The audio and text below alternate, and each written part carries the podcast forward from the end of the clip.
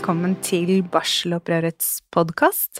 Dette er podkasten hvor Barselopprøret snakker om svangerskaps-, fødsels- og barselomsorg. Jeg heter Lisa Eian, og i dag så sitter jeg her sammen med Cecilia Ingulstad. Hallo. Også, hei, også fra Barselopprøret. Og temaet i dag, det er Kvinnehelseutvalget, som har den 2. mars 2023 fremlagt sin eh, offentlige utredning som handler om kvinnehelse. Den heter Den store forskjellen om kvinners helse og betydningen av kjønn for helse. Og her er det mye om det vi er opptatt av, nemlig svangerskaps-, fødsels- og barselomsorg. Så vi har gjennomgått denne eh, utredningen og har eh, lyst til å oppsummere noen hovedpunkter. Ja, og det, vi har ikke gått gjennom alt, da. Det må vi jo si. Det må vi si. Eh, og det er heller ikke meningen å gi noe fullstendig gjennomgang av den rapporten, men vi vil bare snakke litt løst og fast om noen av de delene som vi syns er, er viktige, da. Mm. Så denne utredningen, hvis man vil gå inn og lese den selv, den ligger jo tilgjengelig på nett. Den er lagt opp sånn at man går gjennom et kvinneliv fra fødsel og gjennom da ulike stadier, ungdomstid, etableringsfase, alderdom osv. Eh, og vi skal fokusere selvfølgelig da på det som gjelder svangerskap, fødsel og barsel. Eh, men hva er egentlig en NOU? Det er ikke sikkert alle har eh, vært inne og lest en NOU før, eller vet hva det er. Men det er jo en offentlig utredning som er initiert av det offentlige. Eh, noe man gjør på områder, samfunnsområder som det er viktig å eh, få mer informasjon om, eller å kartlegge dagens situasjon på og eh, også bruke videre inn i eksempel lovarbeid eh, ja, og andre, andre, viktige og politiske områder som man trenger mer informasjon om, og eh, man trenger tiltak på, eller anbefalinger til tiltak. Cecilia, du har jo sett en del også på disse generelle hovedfunnene, og det er jo en del ting her som er interessant, og som også er relevant for svangerskaps-, fødsels- og barselomsorgen. Kan ikke du fortelle litt om disse, disse hovedfunnene da, som kommer frem i, i rapporten? Mm. Jo, det kanskje aller viktigste som står der, da, det er jo at kjønn har betydning for helse. Overraskende. ja. og at kvinner og menn har ulik biologi. At de lever ulike liv og rammes ulikt av sykdom og at dette perspektivet det må faktisk ligge til grunn hvis vi skal sikre gode helsetjenester for alle. Eh, og det som kanskje kan være litt overraskende, er jo at det, det står at det ikke ligger noen struktur på plass i dag da, som, som ivaretar hensynet til kjønn eller kjønnsforskjeller i helse, eh, og at det er et fravær, da, et systematisk arbeid. Eh, og at det står veldig i kontrast til de ambisjonene vi hører hele tiden om at man skal løfte kvinnehelse, fordi jeg tror nok det har jo vært snakket veldig mye om kvinnehelse de siste årene, så mange har nok inntrykk av at her skjer det jo mye. Um, nå løftes det frem, det satses. Og det som står her, da, at det er mye symbolpolitikk, det er enkelttiltak, og at det tåkelegger egentlig litt det behovet for, for systemendringer. Så det vil si at man har inntrykk av at det skjer mye, eh, men, men, egentlig det som ligger under der, der er det ikke nok endringer. Uh, og det rimer jo egentlig veldig godt med den ambisjonen jo barselopprøret har satt seg, nemlig at vi vil endre systemet. Mm. Uh, for hvis ikke så blir det ikke bedre.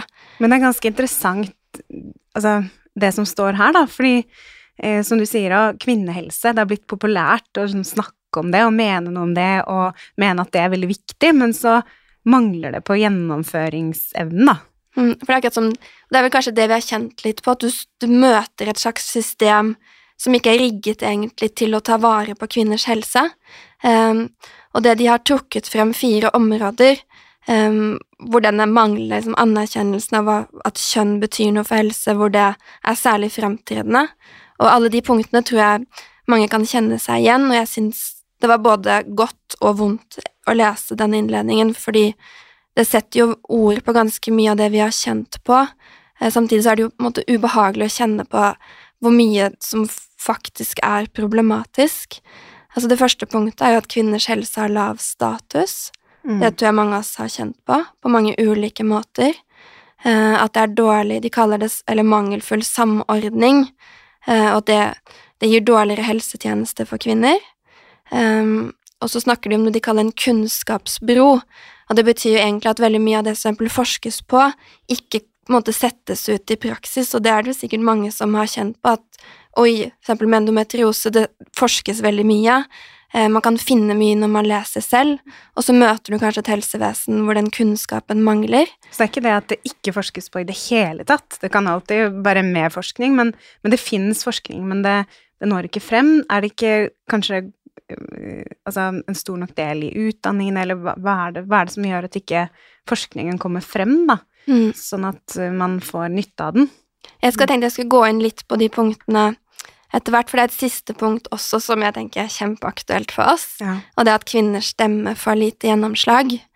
Um, så det er på en måte de fire viktigste liksom, aksene de snakker om. Og så har jeg gått litt gjennom, for jeg har ikke sett på alt, men på alle disse punktene så er det ting som er relevant for eh, svangerskap, fødsels- og barselomsorgen, og som, som, de trekker frem spesielt, da. Um, og det første, det med lav status. Um, hva gjør det? Um, hva gjør det med kvinner når de møter helsevesenet? de sier at det er faktisk slik at det påvirker prioriteringene.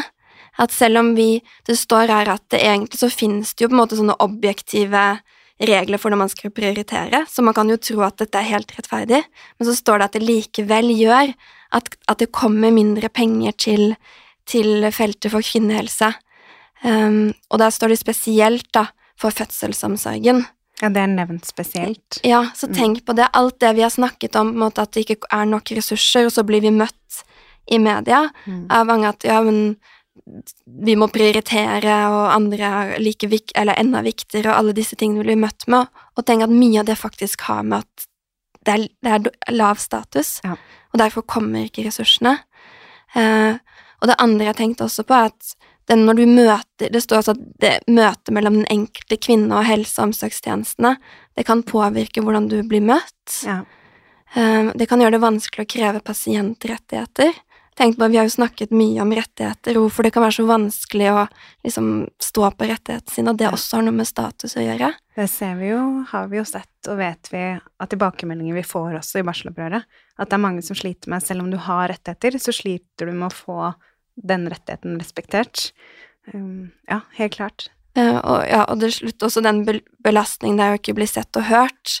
Og dette er sånn Vi har jo kjent på et eller annet at det er noe der, mm. Eh, men som det er vanskelig å få tak i. Eh, at, noe, at my, noe, faktisk, noe av forklaringen ligger der. Um, og det andre også, de snakker om den derre samordningen, at man ikke samarbeider ordentlig, og da trekker de frem barselomsorgen. Der òg. Ja. så det at sykehusene og kommunene ikke samarbeider, det får kjempestore konsekvenser for kvinner, og da barselomsorgen, og det er jo noe vi har snakket veldig, veldig mye om. Mm. Um, Sånn at um, Og da tenker vi på samhandlingen mellom sant, fra sykehuset og, og, når ansvaret flyttes over til kommunen, da, eller primærhelsetjenesten. Mm. Ja. Det er Og at det liksom ikke er noen som har overordnet ansvar for at dette fungerer, Nei. og det gjør at kvinner faller mellom to stoler. At dette er heller ikke noe måte, vi innbiller oss, det er helt reelt. Ja, det står her. Det står her. ja. Um, og det er litt den kunnskapsbroen også, syns jeg var interessant. Ja, uh, for de, de, sier at vi vet jo mye, mye mer om kvinnehelse nå enn for 20 år siden. Uh, og så likevel Og det er jo noe som vi har stusset veldig på, at mye av det som gjøres i fødselsomsorgen, i barselomsorgen, gjøres jo egentlig noen ganger uten at det er basert på forskning, eller at man ikke gjør endringer som ville gjort at vi fikk et bedre tilbud i tråd med det man vet er bra. Ja. Det handler om ha fødestuer for friske gravide, kontinuitet, igangsett, alle disse tingene. Det vi eh, vet at um, forskning sier at det er bra for mor og barn, men likevel så har vi ikke det systemet, og det er veldig trått å endre på det. Eller det er lite endringsvilje. Og her har du jo et, sånn, et veldig liksom, konkret eksempel, da, at man vet at hvis man har svangerskapsforgiftning, så kan man få en doblet risiko for å få hjerte- og karsykdommer senere. Eh, og det er anbefalt nå at disse, kvinnene skal følges opp, og likevel så er det ikke noe system. Nei. Så, sånn, så tenk at her vet man at det er kvinner som har forhøyet risiko, og likevel så følges det ikke opp. Og, og det gjør jo at, at, mange kvinner får dårligere helse. Mm. Um, og sånn, det er jo veldig alvorlig. Veldig. Uh, og det siste punktet da, er jo at kvinners stemmer får lite gjennomslag. Ja. Um, og, og, det har jo vi kjent på, og sikkert andre også som har både kommet før oss og etter oss og, og trukket frem veldig, veldig viktige ting som ikke fungerer, og så blir man ikke hørt. Uh, og at de sier at brukerperspektivet er særlig viktig for kvinnehelse fordi det er mangelfull kunnskap, så derfor egentlig så burde de lytte ekstra, ekstra godt til oss når vi snakker, eh, og at de sier at det er viktig at kvinnene får komme inn tidlig, for det er i begynnelsen man legger premissene eh, når man bygger nye helsetjenester, for mm. eksempel nye OS eller Helse Bergen, hvor man legger om tilbudet, sender kvinner tidlig hjem, og hvor brukerne ikke har vært involvert. Mm. Noen ganger så kan man jo få inntrykk av at brukermedvirkning mer er en sånn formalitet som, som egentlig er bare litt irriterende, som de må gjennom, men som ikke blir noe reell brukermedvirkning. Nei, ikke sant, og det gjør jo fordi, og det kommer jo senere her, og det har vi jo sett både når vi har gått gjennom andre retningslinjer, som barselretningslinjene eksempel, at det står hele tiden vi har ikke nok forskning, vi har ikke nok kunnskap, og da er det faktisk slik at vi kvinner, vi sitter på veldig mye av den kunnskapen, og da må de lytte til oss. Mm. Det gjør faktisk at når de ikke gjør det, så får vi dårligere helsetjenester. Ja. Um, sånn at jeg syns Um, dette var veldig interessant å lese. Um, jo, det siste jeg tenkte også jeg skulle si, da, er at um, også fremheve at kvinner som har minoritetsbakgrunn, kan være ekstra utsatt. Og igjen da viser det også til fødselsomsorgen at mange ikke forstår den informasjonen de får, og at ikke de får tolk. Og det er det jo flere jordmødre jeg har snakket med som sier at kvinner som ikke kan norsk, de får ikke den tolketjenesten de skal ha. Nei. Og tenk hva det betyr også under en fødsel. Eh, så her er det utrolig mye å ta tak i. Veldig mye. Veldig mye. Det skal jo sies også at dette er jo ikke første gang kvinnehelse uh, blir utredet på den måten. Vi hadde også en utredning i uh, 1999, for nå da 24 år siden, da. Eh, Sundby-utvalget, som også gikk på, på kvinnehelse, og, og, den ble også nevnt litt i eh, den nye utredningen, og da særlig eh, fordi at det er mye av de anbefalingene der som aldri har blitt fulgt opp. Mm. Så det tenker jeg er litt viktig å understreke også, at det har vært en gjennomgang før, det er ganske mange år siden da, eh, og et problem er at veldig mange av de anbefalte tiltakene og problemstillingene som ble tatt opp der, det, det har det ikke skjedd noe med. Så vi får virkelig håpe at det skjer noe mer nå, etter denne nye utredningen. Fordi, Men ja. ja. Du sa jo at uh, de hadde lagt opp rapporten i et sånt livsløp, ikke ja. sant? Mm. Um, så starte med fra barndommen. Riktig, ja. Og så er det vel det kapittelet som heter etableringsfasen, er det sånn, som er uh... Ja, der står det jo om svangerskaps-, fødsels- og barselomsorg, blant annet. Mm. Vi tar og fokuserer litt på den delen nå videre. Um, det er mange, mange ting som står her, men som sagt, vi går gjennom noen hovedpunkter. For i begynnelsen, i hvert fall sånn som jeg tolker det, så er det ganske mye som er litt sånn statusrapport, egentlig. Ja. Eller leser du det også sånn? Ja, det virker som at de har eh, eh, oppsummert litt sånn dagens eh, tilstand i den første delen, eh, som går på eh, Ja, at, eh, at, det er mange De nevner blant annet fødselsskader, at det er veldig mange som går ubehandlet. Eh, og det er eh, invalidiserende, fører til redusert livskvalitet senere. De går kort innom psykisk helse, eh, og det vi vet med at risikoen for psykisk helsehjelp er doblet tre måneder etter fødsel sammenlignet med et år senere. Jeg så her at de sier at um, omtrent 6000 til 12 000 kvinner har en psykisk lidelse i forbindelse med graviditet og barseltid, Ja. som krever spesialistkompetanse. Det er mange, Og til sammenligning så var det 3000 som har diabetes. ikke sant? Tenk Mm. så mange, og så er tilbudet så lite utbygget. Ja. Um, ja. Og så snakker de vel litt også om de endringene i fødepopulasjonen som vi har hørt en del om før, at uh, Ja. kvinner blir eldre og tyngre og alt det som Mer står om det. komplisert. Så jeg skal ikke gå så mye inn på det, men det nevnes i hvert Mm. fall innledningsvis da, at det er en endring at kvinner får barn senere, Mm. eh, også at det er mer kvinner med innvandrerbakgrunn, og, ja, og at det får konsekvenser for tilbudet. Mm.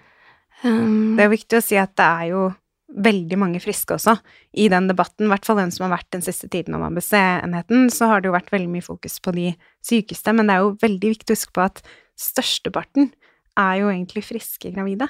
Ja, jeg syns det også er litt rart at man fokuserer så utrolig mye på Man kan jo få inntrykk av at det aldri har stått liksom dårligere til Ja.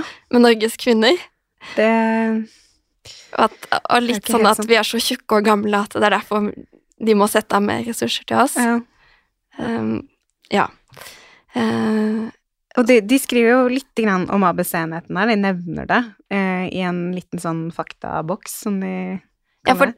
det syns jeg var litt rart, for de sier jo egentlig at fordi ting er blitt mer kompliserte, så har man behov for differensiering. Mm. Eh, og differensiering, det har vi jo en snakket mye om det siste uten at man helt vet kanskje hva det innebærer. Og her står det en sånn liten boks, da, at det, det eh, omfatter disse tre fødenivåene vi skal ha i Norge. Det er fødestuer, som er, kan være frittstående, hvor det jobber jordmødre, hvor det er for friske gravide eh, uten måte, medisinsk inngrep, da legge til rette for en fysiologisk fødsel. Mm. De fødslene hvor eh, det er minst risiko for komplikasjoner. Ja, Og så er det ved fødeavdelinger, som er det mellomste nivået, og kvinneklinikker hvor det er liksom høy risiko. Ja. Eh, mm, så det står jo at man trenger. Det står spesifisert at vi skal ha de tre nivåene. Og så er det en liten faktaboks, som du sier, om ABC-enheten, hvor det bare står at den fantes, eh, og nå er eh, nedlagt. Ja.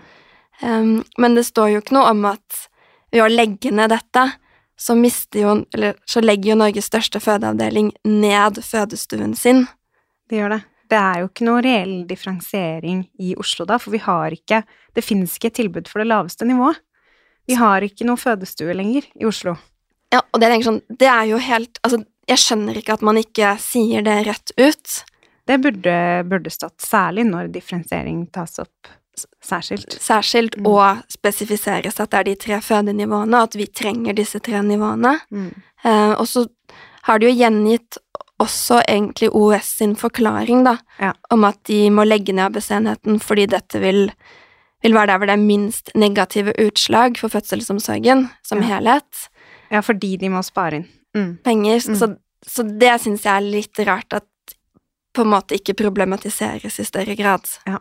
Uh, og det er, denne her skal jo ut på høring, Ja. så det er mulig å komme inn med innspill. Og jeg tenker at dette er noe hvor, hvor det er viktig å komme med innspill, at man kan ikke ha en rapport der man snakker om differensiering og de tre ulike nivåene uten å si noe om at nå har landets største fødeavdeling lagt ned Nei. det laveste nivået. Um, fordi enig. De har jo et kapittel som heter Dagens svangerskap, fødsels- og barselomsorg, Ja. hvor det står jo litt at dette er noe som opptar mange, og at det er til dels kraftfull politisk debatt. Um, Det er det jo. ja, og den er jo kanskje vi en del av også. Ja. Uh, Jeg syns det er litt interessant her også at de skriver at god mødrehelse, det er langt mer enn å overleve svangerskap og fødsel. Det er viktig, og det er faktisk veldig viktig. Det her er jo noe som WHO, Verdens helseorganisasjon, også har vært veldig tydelig på. At i dag, i det moderne samfunnet og der vi er medisinsk i dag, så skal det ikke handle om bare det å overleve.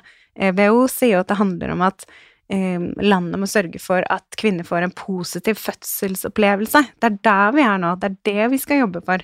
Ikke bare at vi overlever, fordi det er på en måte det minste du kan forvente av der vi er medisinsk sett i dag, da. Ja, og Og så vi står det jo. Også at, at eh, svangerskap og fødselssorgen handler om å skape liv, Ja. og at derfor sier de at dette er grunnleggende forskjellig fra de andre områdene som tas opp i utredningen. Ja. Tenk at her likevel løfter de på en måte opp og viser at dette er noe særskilt. Det gjør de. Eh, og at verdien av mødrehelse står det at det er verdien for mor, Ja. det er for barnet, for familien og samfunnet. Så, så som du sier, Lisa, at det å overleve, det bør være det absolutte minimum. Ja. Eh, og at vi i et samfunn som Norge må kunne forvente at vi setter oss litt høyere ambisjoner enn det. Helt enig. Og jeg syns de er litt vage da videre her når de skriver eh, De skriver om en del av disse funnene. Så sier de funnene understøtter behovet for å vurdere om den medisinske rammen for fødselsomsorgen bør utvides fra å se på fødsel som en ren klinisk hendelse til en langt større begivenhet, der behovet for omsorg og psykisk helse også ivaretas med tilstrekkelige ressurser. Jeg tenker, Det skal jo ikke være et spørsmål engang. Selvfølgelig eh, skal vi jo eh, se på en fødsel som noe mer enn en ren klinisk hendelse. Så her er det en liten kritikk til eh, utvalget da, på måten man har valgt å ordlegge seg på. Hvorfor kan man ikke være litt klarere? Ja, for dette kommer jo i det kapitlet som heter Kvalitet i fødselsomsorgen, Ja. eh, og starter igjen da det med vi alltid gjør at vi har det best blant de som har beste resultater fordi det er lav mødredødelighet. Ja. Um, og så sier de likevel at kvalitet eh, avhenger av at det er nok folk med riktig kompetanse. Um, og, og så kommer det jo til det litt det vi har snakket om før, da, at kvinner som har kontinuerlig støtte under fødsel, at det er en jordmor der hele tiden, at de har bedre sannsynlighet for eh, spontan vaginal fødsel, eh, bedre fødselsopplevelse og kortere fødselsforløp, og også det med den kontinuiteten faktisk gjør at man er mindre utsatt for fødselsdepresjon. Mm. Um, Det er kjempeviktig. Vi mener jo at hele fødselsomsorgen burde vært eh, organisert med kontinuitet for alle. Og for, for å skyte inn her, da, den eneste enheten som hadde dette i, til en viss grad i Norge, det var jo ABC-enheten, som nå er besluttet nedlagt. Ikke sant? Sånn at uh, her er de på en måte De er innom det, tenker jeg. Eh, men så kunne vi vel egentlig vi forventet at de gikk litt lenger og var litt tydeligere på at dette ikke, det er ikke et spørsmål, dette Nei. er noe vi må gjøre. Og det faktum at det ikke gjøres i dag, er et veldig stort problem. Ja, og det her var jo oppe også i den stortingsmeldingen 12 2008-2009, som gikk på et helhetlig, en sammenhengende eh, fødselsomsorg. Så eh, det her er på en måte etablert at vi egentlig skal ha, eller prøve å få til. Eh, så der også kunne jo utvalget vært eh, mer eh, konkrete da, og litt tydeligere i anbefalingene sine. Ja, så blander de kanskje to ting også, for det ene de snakker om, er kontinuerlig støtte under fødsel, som er det egentlig dette vi har snakket mye om, at man skal ha én-til-én en jordmor i aktiv fødsel, eh, og at dette er et kvalitetskrav, og at faktisk siden i 2017, hvis du ikke får det under fødsel, så skal sykehusene skrive avvik. Mm. Så jeg tenker at det er viktig å vite, Mm. for hvis ikke du hadde det under fødsel, så ville jeg etter sjekket om det er skrevet avvik på det, for det gjør, tror jeg ikke gjøres alle steder. Nei. Så det er noe man skal gjøre, og sykehusene må rapportere om. Og det betyr at du skal ha jordmor der hele tiden, fra du er i aktiv fødsel. Som, ja, Ja, til barnet er ute, uansett hvor lang tid den fødselen tar. Ja. Og det andre de viser til, er jo litt det som kom eh, frem i den undersøkelsen som ble gjort, baby, som var en del av Babies Born Better, hvor man spurte over 8000 norske kvinner hva som var viktig for dem når de fødte. Eh, og der viser de også det at man, trenger, man ønsker seg personlig omsorg, og denne kontinuiteten, som jo ikke bare handler om at det er en jordmor hos deg hele tiden, men at det faktisk er noen du kjenner som har fulgt deg i barseltiden, nei, i svangerskapet, som følger deg i barseltiden, at det er i tillegg. Det holder ikke bare at det er en jordmor der akkurat når du skal føde, det å kjenne den jordmoren, det gir faktisk bedre resultater. Mm. Eh, og at kvinnene også i den undersøkelsen sa at de ønsket at partner ble involvert og ivaretatt, eh, og at det faktisk også er god omsorg for mor, for hvis ikke partner er involvert, så bekymrer mor seg for partner, føler at hun må ivareta han eller henne.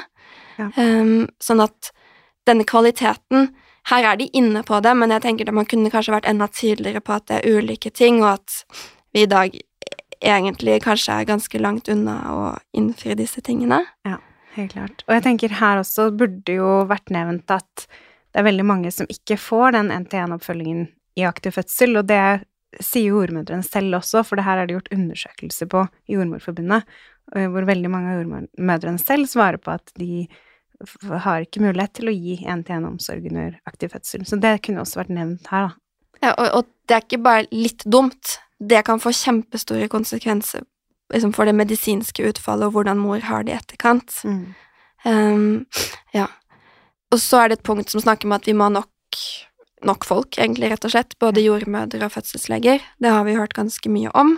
At det mangler uh, bemanning på fødeavdelingene. Ja.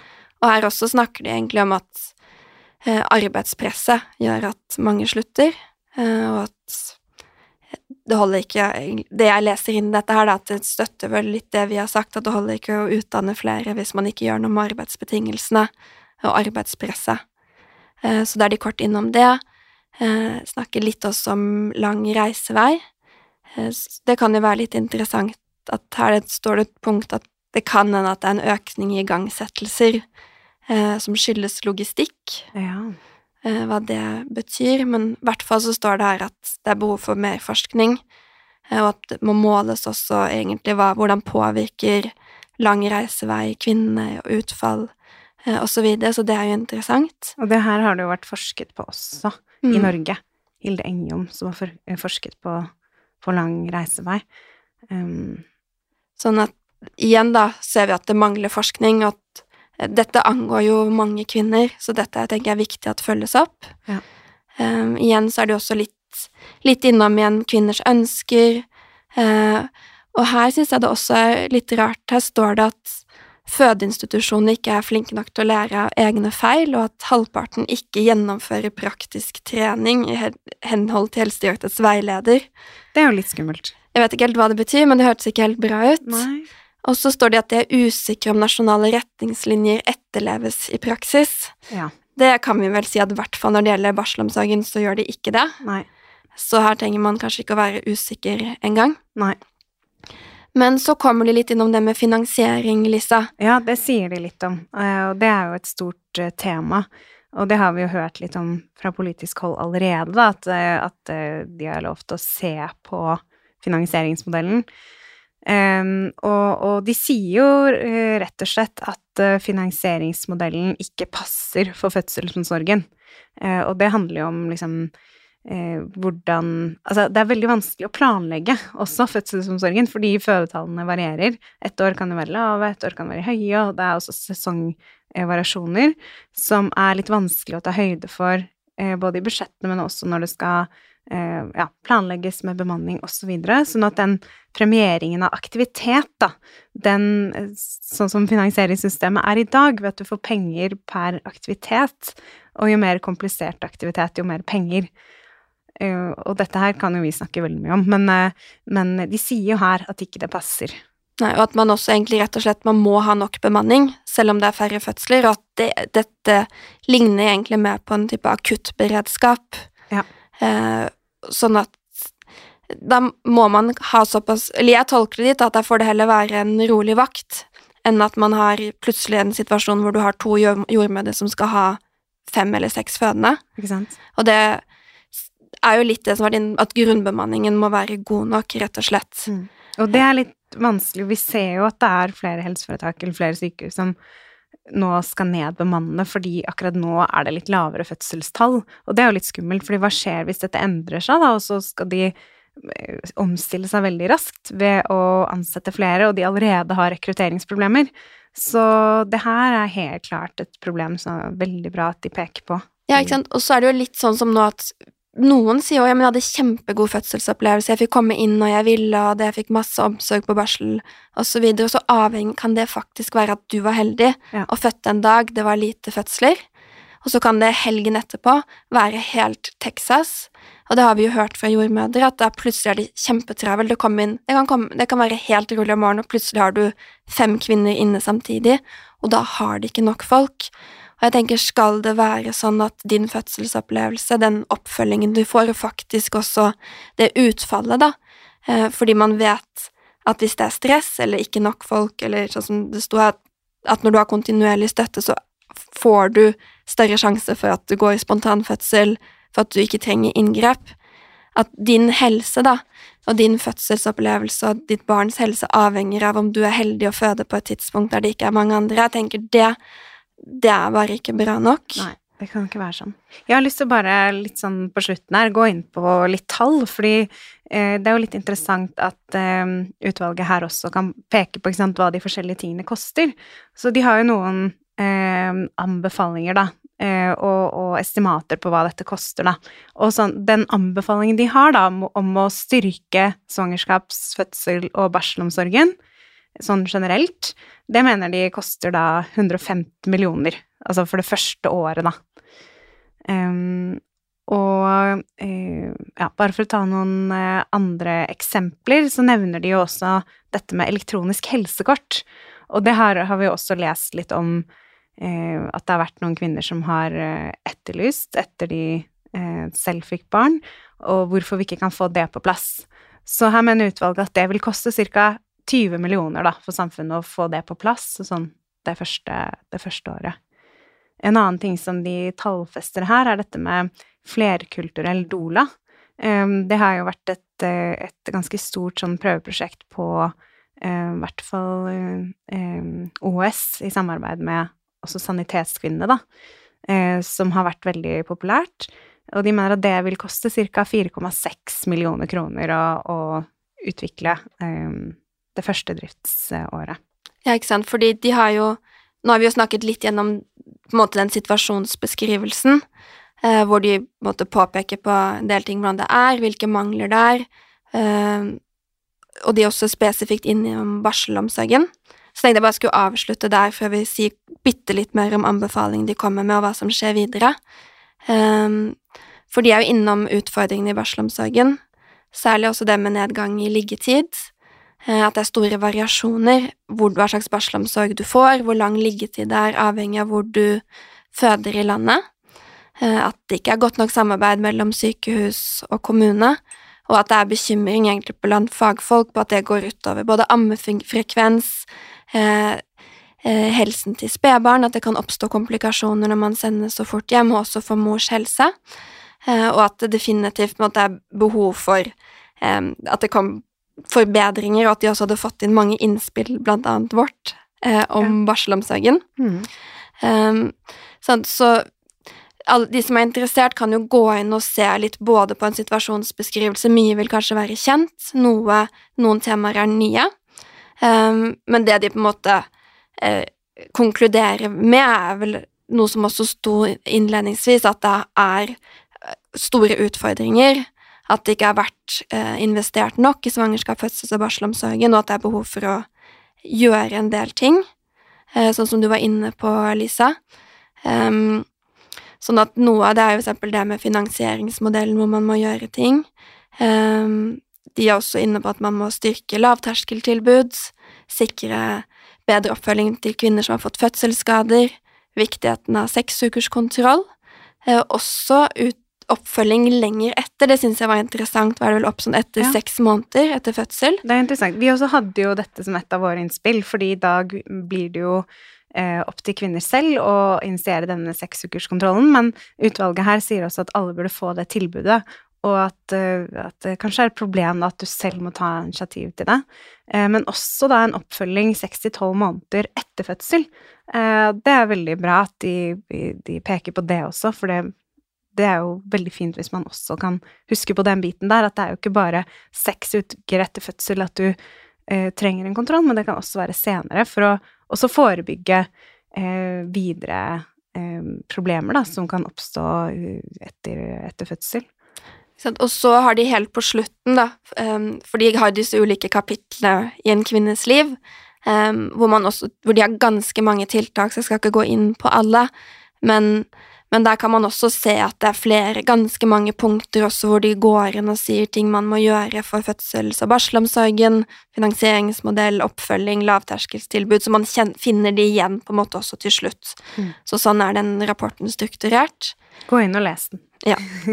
Eh, men så lurer sikkert folk litt på hva er det som skjer nå. Ja. For du var jo inne på at det har vært skrevet rapporter før, ja. eh, og betyr det For jeg tenkte først oi, så mange fine tiltak. Ja. Eh, kommer dette nå? Så jeg skjønte ikke helt at dette nå skal ut på høring. Ja, vi får vente og se, da. Det er jo ikke noe garanti bare fordi det kommer en sånn utredning, så er jo ikke det noen garanti for at uh, det som står der, blir fulgt opp. Uh, det er det ikke. Så det er jo avhengig av uh, at det er noen som følger det opp.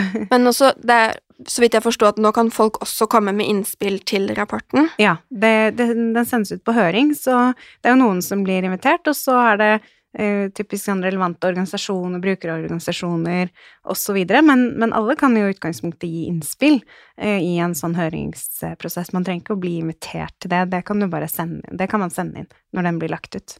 Ikke sant, så jeg tenker oppfordrer jo alle til å gå inn og se på den og se om man syns det mangler noe.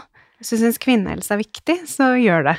For du pekte at det manglet litt om rettigheter. Ja, det mener jo Det mener jeg det gjør. Vi, I våre innspill så hadde jo vi et punkt hvor vi mener at, at altså kvinners rettigheter, altså lovbestemte rettigheter, da, i svangerskap, fødsel og barselomsorgen må styrkes.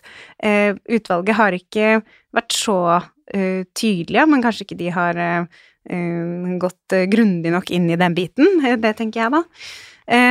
Men de har jo blant annet sagt at ammeveiledning, det burde bli nødvendig helsehjelp.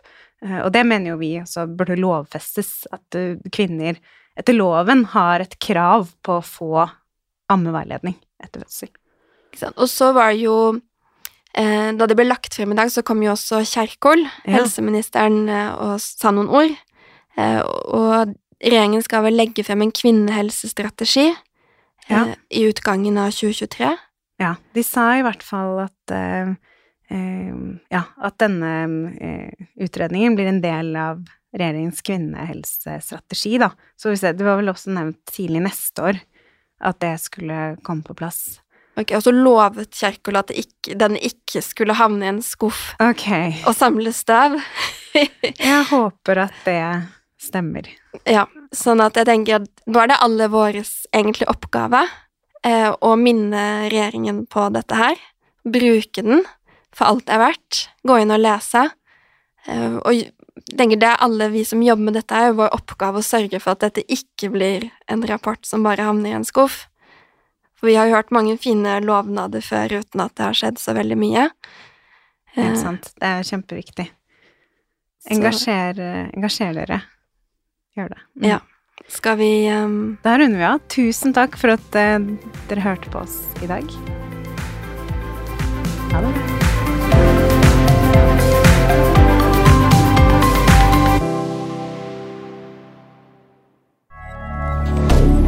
Moderne media.